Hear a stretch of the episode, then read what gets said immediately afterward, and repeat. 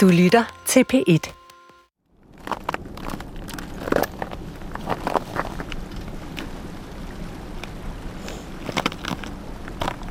Jamen, nu står vi jo her på gletsjeren og kigger mod øh, øh, sydvest. Øh, I klart vejr kan man se, kan man faktisk følge øh, Grønlands øh, sydøstkyst et godt stykke ned her. Ikke? Men nu er det sådan lidt diset i dag.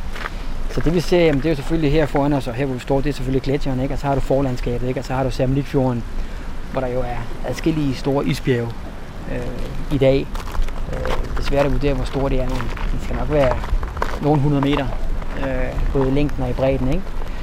Øh, de er jo så på vej ud i det åbne hav, øh, men man kan se, at der er flere øh, ude i det åbne hav. Men så har vi jo øh, to fjelle, tre fjelle her i baggrunden, ikke? på den anden side af Samlikfjorden. Øh, og så ellers så fortsætter det jo bare så langt øjet rækker med fjeld og ren natur, kan man sige. Den vild arbejdsplads.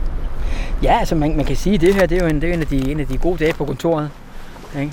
hvor man kommer ud og, og prøver på at forstå det, der sker. Ikke? Altså, det, er jo, det er fedt at komme ud og, og rende rundt og, og måle og, og se, hvad der rører sig. Det er lidt øh, den pendant til, at vi sidder derhjemme ikke? og knuser vores tal og kigger vores tendenser og forstår processerne. Men her der er vi ude og forsyne for sagen. Ikke? Så det er altid rart at komme i felten, selvom det for mit vedkommende nu altså er mindre og mindre over tid. For nu sidder jeg jo som direktør for Nansen Centeret, ikke? så man kan sige, det er mere det er i højere grad administration og ledelse og styring af Nansen Centeret, end det er reelt at komme ud i felten og rende rundt, som det vi gør nu. Så derfor er det jo en stor fornøjelse for mig at komme tilbage igen her, fordi det er jo et, et, et skønt miljø. Der er jo smukt her, ikke? Altså, jeg tror næppe, man finder det meget smukkere.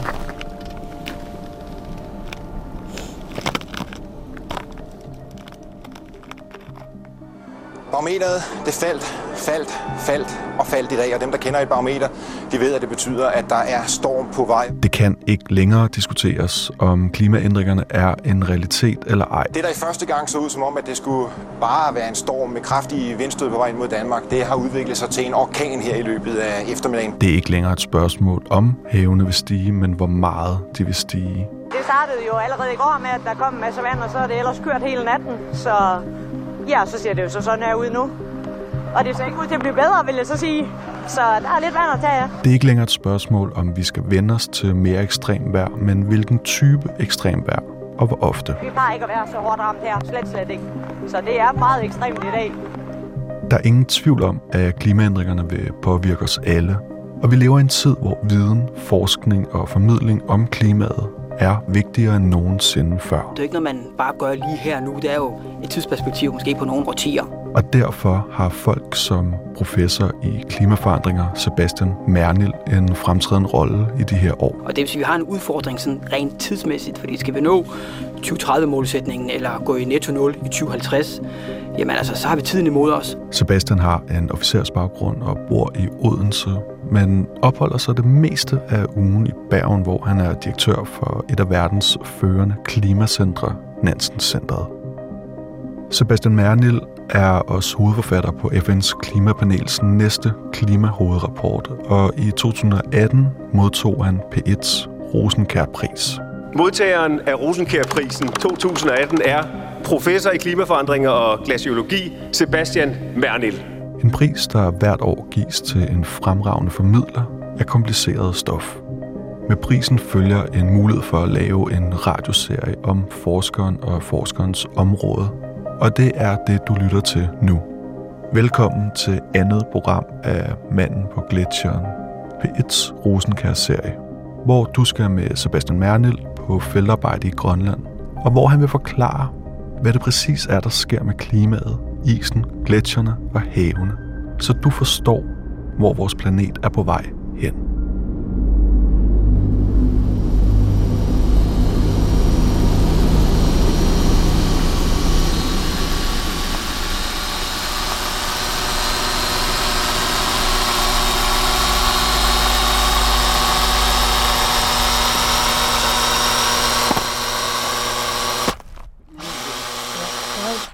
Jamen det vi måler, det er øhm, øh, nettotabet øh, fra et år og til et andet. Vi er cirka gået 100 meter op af den stejle gletsjer. Sebastian står med et let spredte ben med fødderne solidt plantet på isen, mens han borer. Sneglebordet er 5-7 cm i diameter og en meter langt. Og hver gang det kommer helt ned til isen, klikkes det af boremaskinen, så der kan sættes et nyt bord på, så dermed kan blive længere. Lige indtil Sebastian har boret et 5 meter lodret dybt hul. Når hullet er boret, puttes der en 5 meter lang stage ned i hullet, som Sebastian og de andre forskere kan måle højden på næste år. Og dermed se, hvor meget af isen, der er smeltet netop der. Da vi ankom hertil, lå stagen fra sidste år næsten helt ned. Så her er isen altså smeltet enormt meget. Øh, da vi kommer til, der lå øh, en del af stagen øh, hen langt med isen. Ikke? Og det vi gør, det er, så måler vi højden på den. Fordi det indikerer ligesom, hvor meget der er smeltet ud. Og så ved vi, hvor meget af stagen, der stod over isen øh, sidste år på samme tid. Og så kender vi differencen, ikke? Den var så i det her tilfælde øh, 4 meter og 45 cm. Så kender vi isdensiteten, og så altså kan vi omregne, hvor meget vand det svarer til. Så det svarer cirka til en, en, øh, en vandafsmeltning på omkring øh, 4 højdemeter. Lige præcis på det her punkt.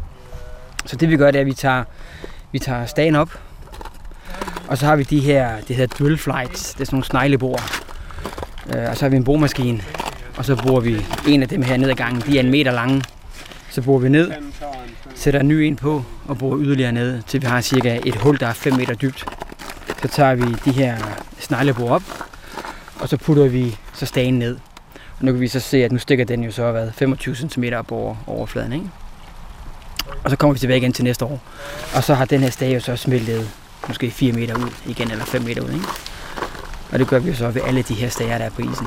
Øhm, og det her nu er vi jo så på, på den nedre del af isen. Øhm, og det er jo her, hvor vi forventer øh, det største istab. Ikke?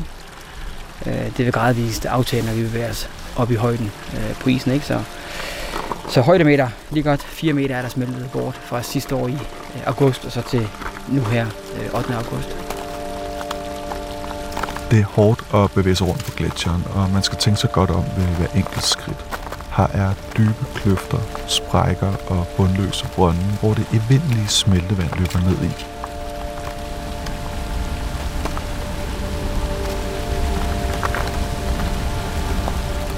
Og det er de eneste lyde, der er på gletsjeren. Ens egne støvler, der rammer overfladen af isen. Lidt vind, isen, der knirker i ny og næ, og smeltevand, der strømmer ned i små bække på overfladen. Hvad tænker du personligt, når du ser, at det er svundet så meget? Jamen altså, jeg, jeg bliver bekymret for, for blandt andet mine, mine to børn, Frederik og Benedikte, fordi de kommer til at leve op i en, helt, en verden, som er altså meget anderledes end den, som, som jeg er vokset op i. Ikke? Øhm, altså, hvor klimaforandringerne sker hastigere end det, man altså, har set over adskillige 100.000 år. Ikke?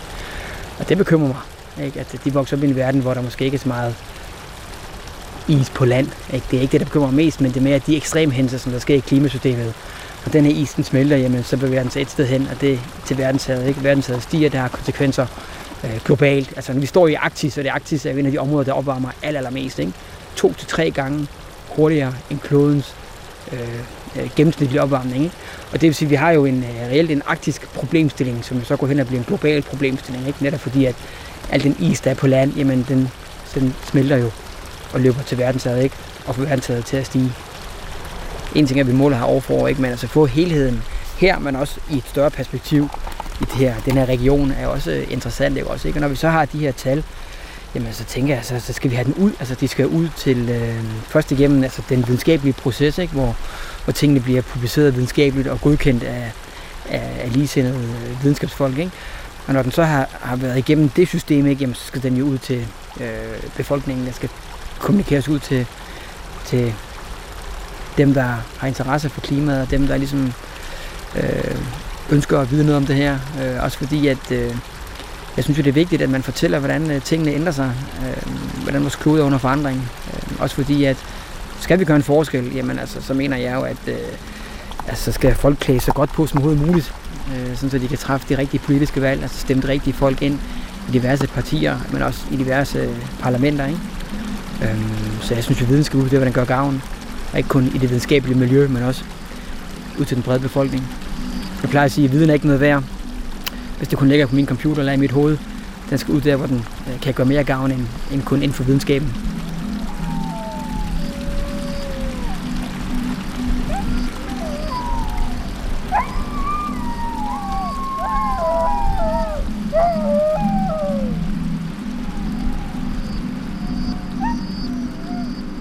Isen er smeltet meget tilbage i år, og den smelter hurtigere og hurtigere for hvert år. Men det vender vi tilbage til. I Østgrønland taler man om to typer af is. Det is, der ligger på land, som indlandsisen, og de mindre gletsjer, som Mittevaket, vi står på nu, og så den store havis, Storisen. Storisen bliver dannet i Polarhavet og driver med strømmen ned langs den grønlandske østkyst. Historisk set har alle byer og bygder været dybt afhængige af de få måneders fri passage, der er, når storisen forlader om sommeren, før den kommer tilbage i det tidlige efterår. Det her fiskerne var sikre på at komme til havs, og hvor der blev leveret mad, medicin og andre forsyninger med fragtskibe. Men som årene er gået, er det vindue bare blevet større og større. Simpelthen fordi storisen smelter lang tid før den kommer til for eksempel Dasilak, Østgrønlands største by med omkring 2.000 indbyggere, som ligger en time sejlads fra Mitavaket gletsjeren den manglende store is er både godt for fiskere og krydstogturisme, men det gør det samtidig mere og mere svært at køre på for eksempel hundeslæde. Og det er ærgerligt, for det ligger grønlændernes kultur og selvforståelse meget nær. En af dem, der har set den store udvikling med storisen, er Bent, som sidder på havnen i Dasilak. Jeg er Bent Josvesen. Jeg er født her i Dasilak. Jeg er 54 år. Så har jeg arbejdet og boet her hele livet. Så vi sidder på Strandvejen i Dasilak. Der er jo ingen træer, så vi er omringet af bjerge, og det er meget flot. Solen skinner, og det er ikke så koldt. 11 grader deromkring, men øh, føles nærmere som 15-18 grader. Så Ja, vi kan jo se små sejlbåde og en tankskib. Jeg tror, det er en sandsuger. Så er der et landskib, der er kommet med forsyninger til byen. Så alt, vi har brug for, det kommer med skib her. Der er længere sejl, sæson faktisk. Det er allerede fra maj måned og så ind til november-december. Før i tiden, der var det midten af juni, vi kunne søsætte og så skulle båden op allerede i oktober. Og det er så 20 år siden. Så meget har ændret sig efterhånden. Det svinger med isen, det kommer og går. Men øh, isen, storisen nordfra, den er hurtigt overstået. Før i tiden, der kunne den ligge ude i, uden for byen her i, indtil sidste juli måned. Så man var nødt til at sejle forsigtigt mellem isen og zigzagge. Så. Men det er der ikke længere. Forår, det er jo det bedste, når man tager på slædeture og sneskuterture, hvor man kan lave mad ude i naturen og på fjellene. Og det, det når vi så ikke meget mere af. Så det er rimelig dårligt vejr i februar og marts. Jeg vil da også gerne nyde sneskuterture og slædeture, hvis det er. Men uh, naturen bestemmer jo. Så sneen, den, det er ikke så meget mere igen, og sommeren, den kommer en, et par måneder tidligere. Så jo jo. Og glæsjeren, det er smeltet ret meget her de sidste 15-20 år Glæsjerne på bjergene. Ja, jeg tror, at indlandsisen den smelter noget hurtigere. Så,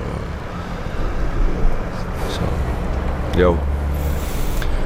Men øh, hvad, hvordan det bliver, det ved jeg så om ikke. Det bliver nok bare mere varmt og tørt.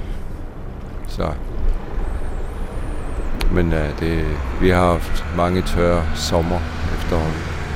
Mange solskinstimer. Og Det mærkelige ved i februar, det er, at det kan regne rigtig meget, hvor al sneen de smelter. Så går der lige et stykke tid, hvor der kommer sne igen. Og før var der jo bare is og sne hele tiden. Så øh, først i maj måned begyndte det at regne, hvor øh, sneen begynder at smelte. Men øh, jeg ved det ikke.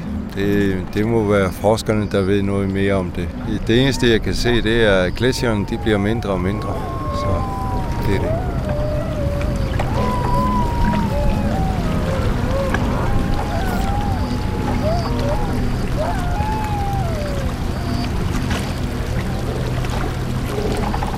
Som Bent siger, bliver gletsjerne mindre og mindre. Og en af grundene til, at det går ekstra hurtigt, er albedo-effekten, som også er et vigtigt element i Sebastians forskning. Og som der måles på ved alle stager. Det er et tal, der viser, hvor meget sollys, der bliver reflekteret tilbage. Efter den gamle stages længde er målt og den nye bordet ned, skal albedoforholdene måles. Det er Simon og Niels Tvis, de to andre forskere, der er med på turen, der gør det. Simon går rundt med en GPS i den ene hånd og et albedometer i den anden, mens han fortæller resultaterne til Niels Tvis, som skriver dem sirligt ned i sin lille notesbog. Ja, det de så måler nu, det er det, det der hedder albedo. Øh, det er mængden af øh, øh, kortbølget solindstråling, altså mængden af energi fra solen, som enten bliver øh, reflekteret tilbage eller absorberet tilbage. Ikke? Og der har man så en, en, øh, et forhold, der hedder albedo-forholdet. Det svinger mellem 0 og 1. Hvis du har et, et forhold på 1, jamen, så bliver al solens energi reflekteret tilbage til verdensrummet. Og har du 0, jamen, så bliver al energien, altså den kortbølgede energi fra solen, den bliver absorberet, ikke? og så er den tilgængelig til for eksempel afsmeltningen. Men her kan du jo tydeligt se, at øh, her hvor vi står nu, der er isen jo ikke hvid. Øh, den er jo øh, grumset, der er sediment på den. Der er en stor sten lige her, ret frem foran os. Ikke? Og de ligger sådan lidt i bånd, kan man se. Øh, Og så er der også noget krystalliseret øh, is, kan man sige, som har været smeltet, og så er det så genfrosset hen over natten. Ikke? Så man kan sige, at der er stor variabilitet i albedoforholdene, og det er det, vi gør, at vi forstår ligesom, så vi ved noget om, jamen, hvor meget energi er der til rådighed øh, til f.eks. afsmeltning. Øh, hvor meget af den energi, der kommer ind fra solen, jamen, den reflekteres tilbage til verdensrummet. Jo mørkere overflade, jo lavere albedo, jo mere energi bliver absorberet på overfladen. Øh, jo videre overflade, øh, jo højere albedo, jo mere bliver reflekteret tilbage til verdensrummet. Så det er det, vi måler her. Og det vi gjort ved, ved samtlige stager øh, over de seneste 4-5 år, for ligesom at få en forståelse for albedo-variationer. Som sagt er gletsjeren ikke helt hvid, som de fleste nok vil tro. Den er faktisk meget gråbrun, nogle steder nærmest sort. Det bliver den, fordi der er små planterester, grus, ler og så videre indenfra, som smelter ud på overfladen. Og jo mere den smelter, jo mere samler der sig på toppen, og jo mere af solens energi kan absorberes på gletsjerens overflade. Lidt ligesom man kender det fra en varm sommerdag, hvor det er betydeligt varmere at have en sort trøje på end hvid. Så der er mange forhold, der spiller ind, og som Sebastian og hans hold skal tage højde for. Vi lavede et studie baseret på satellitter, hvor vi kiggede på albedo-overfladen øh, ud fra øh, satellitbilleder. Ikke? Og der kunne vi se fra 2002 og frem til 2014, altså over den her 12-årige periode, jamen der var isen blevet øh, øh, noget mørkere. Altså albedoforholdet var faldet omkring 0,1, øh, cirka 10 procent. Og det vil sige, at nu, kvæg at den er mørkere nu, jamen, så er der også mere energi, der bliver absorberet, som er så tilgængelig til f.eks. afsmeltning af isens overflade. Og hvor mange stager går I rundt til sådan en dag her?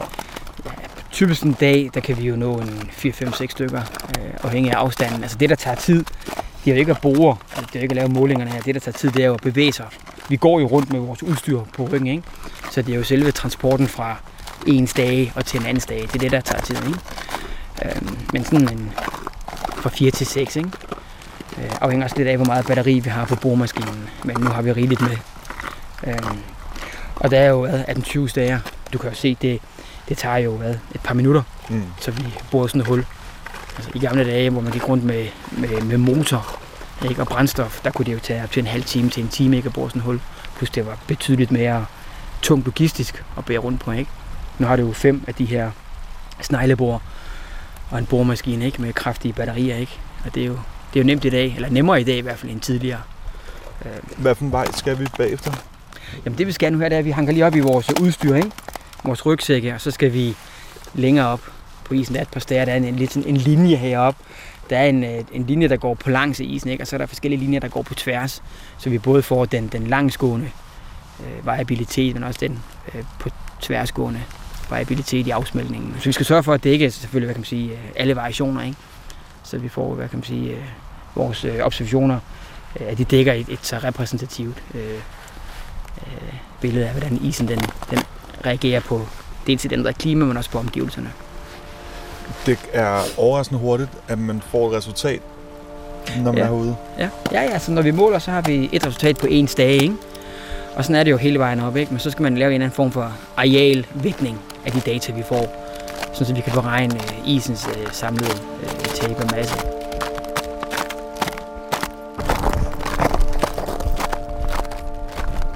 Hvad går du og tænker på, når du er herude? Nu, altså øh, en tanke, der sådan kommer til mig tit, det er jo altså, hvor fredeligt det er. Altså, hvor langt væk vi er fra, fra civilisationen, altså fra transport, larm, bystøj osv. osv. Ikke? Altså i forhold til den tanke, når jeg står her, at, øh, at det er lidt af modsætningen i forhold til Times Square i New York. Ikke, hvor alt jo er hektisk. Altså en myretue af folk, der bevæger sig frem og tilbage. Ikke? Og her, det er jo så modsætningsfyldt i forhold til det, at det her, der er jo roligt, der er jo fredfyldt, der er jo, altså, altså det er som om tiden står stille, når man er her. Ja, det er en tanke, der er kommet til mig rigtig mange gange, ikke?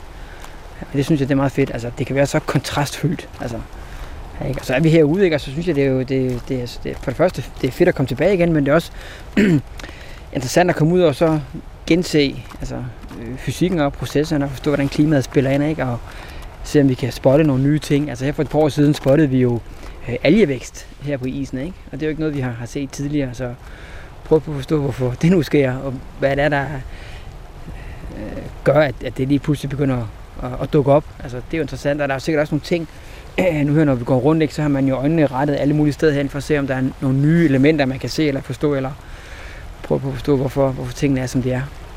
Øh, altså, det er jo ligesom, vi er, vi er ude i vores øh, sige, laboratorie. Vi er ude for at forstå, hvordan tingene forandrer sig, ikke? og kan vi få øje på noget nyt, altså så er det med at få det med hjem. Det er nu, vi er her. Det er en meget lang tur at tage ud for at indsamle data. Ja, altså vi har brugt det, hvad, halvanden dag på at komme herop. Og det, det er klart, det er jo øh, det er noget af en rejse. Det er også derfor, at når vi investerer så meget tid og så mange penge i det, jamen så er det klart, så skal vi også have så meget ud af det som overhovedet muligt. Og det er jo nu, vi er her. Det er nu, vi skal rende rundt. Det er nu, vi skal måle. Det er nu, vi skal veje. Det er nu, vi skal gøre alle de ting, så vi får så mange data med hjem, så vi kan få en bedre forståelse for, hvordan, hvordan vores klode den reagerer i et varmere klima. Øh, så altså, så det, det er nu, vi er her. Det er nu, vi skal arbejde. Det er nu, vi skal se på tingene. Ja, og det er klart, det er jo, altså, det er jo en rejse. Øh, og så vil nogen spørge, men kunne man ikke være, være den for uden? Og der mener jeg jo, at det, det vi skal, det er, at vi skal have en bedre forståelse øh, for vores klimasystem og de indvirkninger, vi ser øh, på landjorden. Ikke? Og det er klart, det koster, det koster noget tid, det koster noget CO2-udslip, men, altså, men det er det, der skal til, for at vi forstår det. Ikke? Når vi så engang forstår det her 100%, jamen, så er det jo så, at vi skal formidle det budskab videre til vores politikere, som skal træffe de beslutninger, som skal træffes på vegne af dig og mig og, og den befolkning, de folk, der er langt væk herfra. Når man er herude, så Ja. bliver det øh, ret tydeligt, altså hvad det er, Ja. der sker, når man Ja. kommer ud til en stage, hvor den ligger på isen, fordi Ja. der simpelthen smeltet så meget Ja. siden sidste år. Ikke? Ja. Kan du så godt tænke lidt på, øh, på dem, der ikke der, der synes, det er lidt noget vrøvl? Ja, altså jeg, jeg tænker jo tit også, at jeg synes jo, at de også skulle få syn for sagen, ikke? ikke? Og når vi nu tager herop og bruger så meget tid på det, så er det jo, altså så gør vi det jo fordi, at vi kan se, at der er en mening med det, og vi kan jo se, hvordan tingene forandrer sig, og med hvilken hastighed. Og jeg så jo gerne, at, øh, at mange andre fik muligheden for at komme herop, ikke? Men, men det er jo ikke den måde, tingene hænger sammen, ikke? Og derfor så er det jo en af vores fineste opgaver, det er også at altså, finde ud af videnskaben, ikke? men også få den formidlet. Altså det med at formidle videnskaben, øhm, det er vigtigt så den kommer ud til den brede befolkning, netop fordi det er jo ikke alle, der har muligheden for at komme op i de her uberørte naturlandskaber, som vi står i nu. Ikke? Det er meget oplagt at spørge Sebastian til råds om, hvordan man skal leve mest klimavenligt. Og hvad man selv kan gøre for at de fremtidige generationer også skal have bare nogenlunde glæde af vores klode. Men det er han ikke meget for. Sebastian bedriver forskning, som giver viden, og oplyser os og klæder os på til selv at træffe det, vi mener er det korrekte valg. Altså, altså min, min opgave er jo ikke at bestemme, hvordan folk skal leve. Altså, jeg synes jo, folk skal leve, som de nu engang vil leve, ikke? men jeg synes, de skal have de her forandringer i baghovedet. Ikke? Altså, vi lever i en tid, hvor tingene forandrer sig rigtig hurtigt, ikke? og hver eneste valg, man træffer, har jo en indvirkning på klimasystemet, på den smeltende is, på det stigende havniveau. Og det synes jeg, folk de skal have med, øh, så de ved, at øh, vælger de at at købe en slags kød frem for noget andet, eller vælger de at tage fire rejser frem for to rejser oversøisk, ikke? Jamen, så har det jo selvfølgelig en konsekvens øh, i form af, at man udleder nogle drivhusgasser til atmosfæren, klimaet bliver varmere, temperaturen bliver varmere, isen smelter, ikke? Men jeg skal ikke fortælle dem, hvor mange gange de skal gøre det. Det må være op til folks egen samvittighed. Men min opgave er jo altså objektivt at formidle, hvilke forandringer vi står i. Ikke? Sådan, så de jo selv kan, kan drage den kobling imellem den måde, man lever livet på, og så de forandringer, vi ser. Øh, både i klimasystemet, men også øh, for eksempel her på isen. Kan du forstå, at der er nogen, der godt kan blive lidt forvirret over, hvad der er det rigtige og det forkerte at gøre? Ja, ja fordi der er, jo, der er jo mange klimainformationer, som tilflyder folk. Øh, jeg forstår godt, at folk de bliver forvirret, når de en dag læser en ting, og så er der en anden dag noget modstridende. Men sådan er videnskaben jo også. Øhm, og videnskaben er jo, vi kan jo sjældent sætte øh, to streger under videnskaben. Øh, og, og videnskaben bliver jo altid diskuteret i videnskabelige miljøer, ikke også? Ikke? Og der er man jo også uenig omkring, hvordan tingene er. Hvad er hovedårsagen til forskellige øh, forandringer? Øh, så forstår jeg godt, at folk de også bliver forvirret, fordi nogle gange så er vi også selv forvirret, ikke? Eller, og der er, altid, altså, der er altid en vis form for usikkerhed inden for det, man måler, og det, man vejer, og, og, og de tolkninger, man nu øh, gør sig omkring øh, forandringerne, ikke? Øh, men jeg mener også bare, at øh, det er også fint, at øh, der kommer forskellige signaler ud, for det viser også bare, at, øh, at øh, vi er kritiske over for den videnskab, vi står og arbejder med. Og det synes jeg jo er en, en af de aller, aller vigtigste ting, det er, at vi forholder os kritisk til de hypoteser, vi arbejder med, og de problemstillinger, vi står overfor. Fordi kun på den måde kan vi jo blive endnu bedre til at forstå de forandringer, der sker.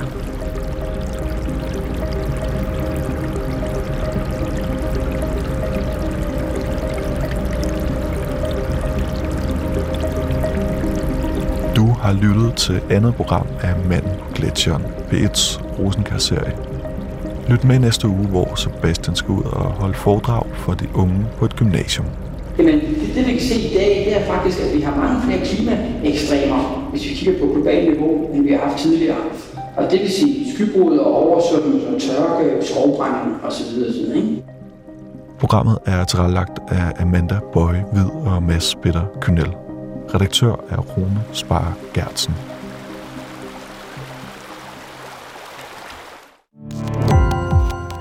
Gå på opdagelse i alle DR's podcast og radioprogrammer. I appen DR Lyd.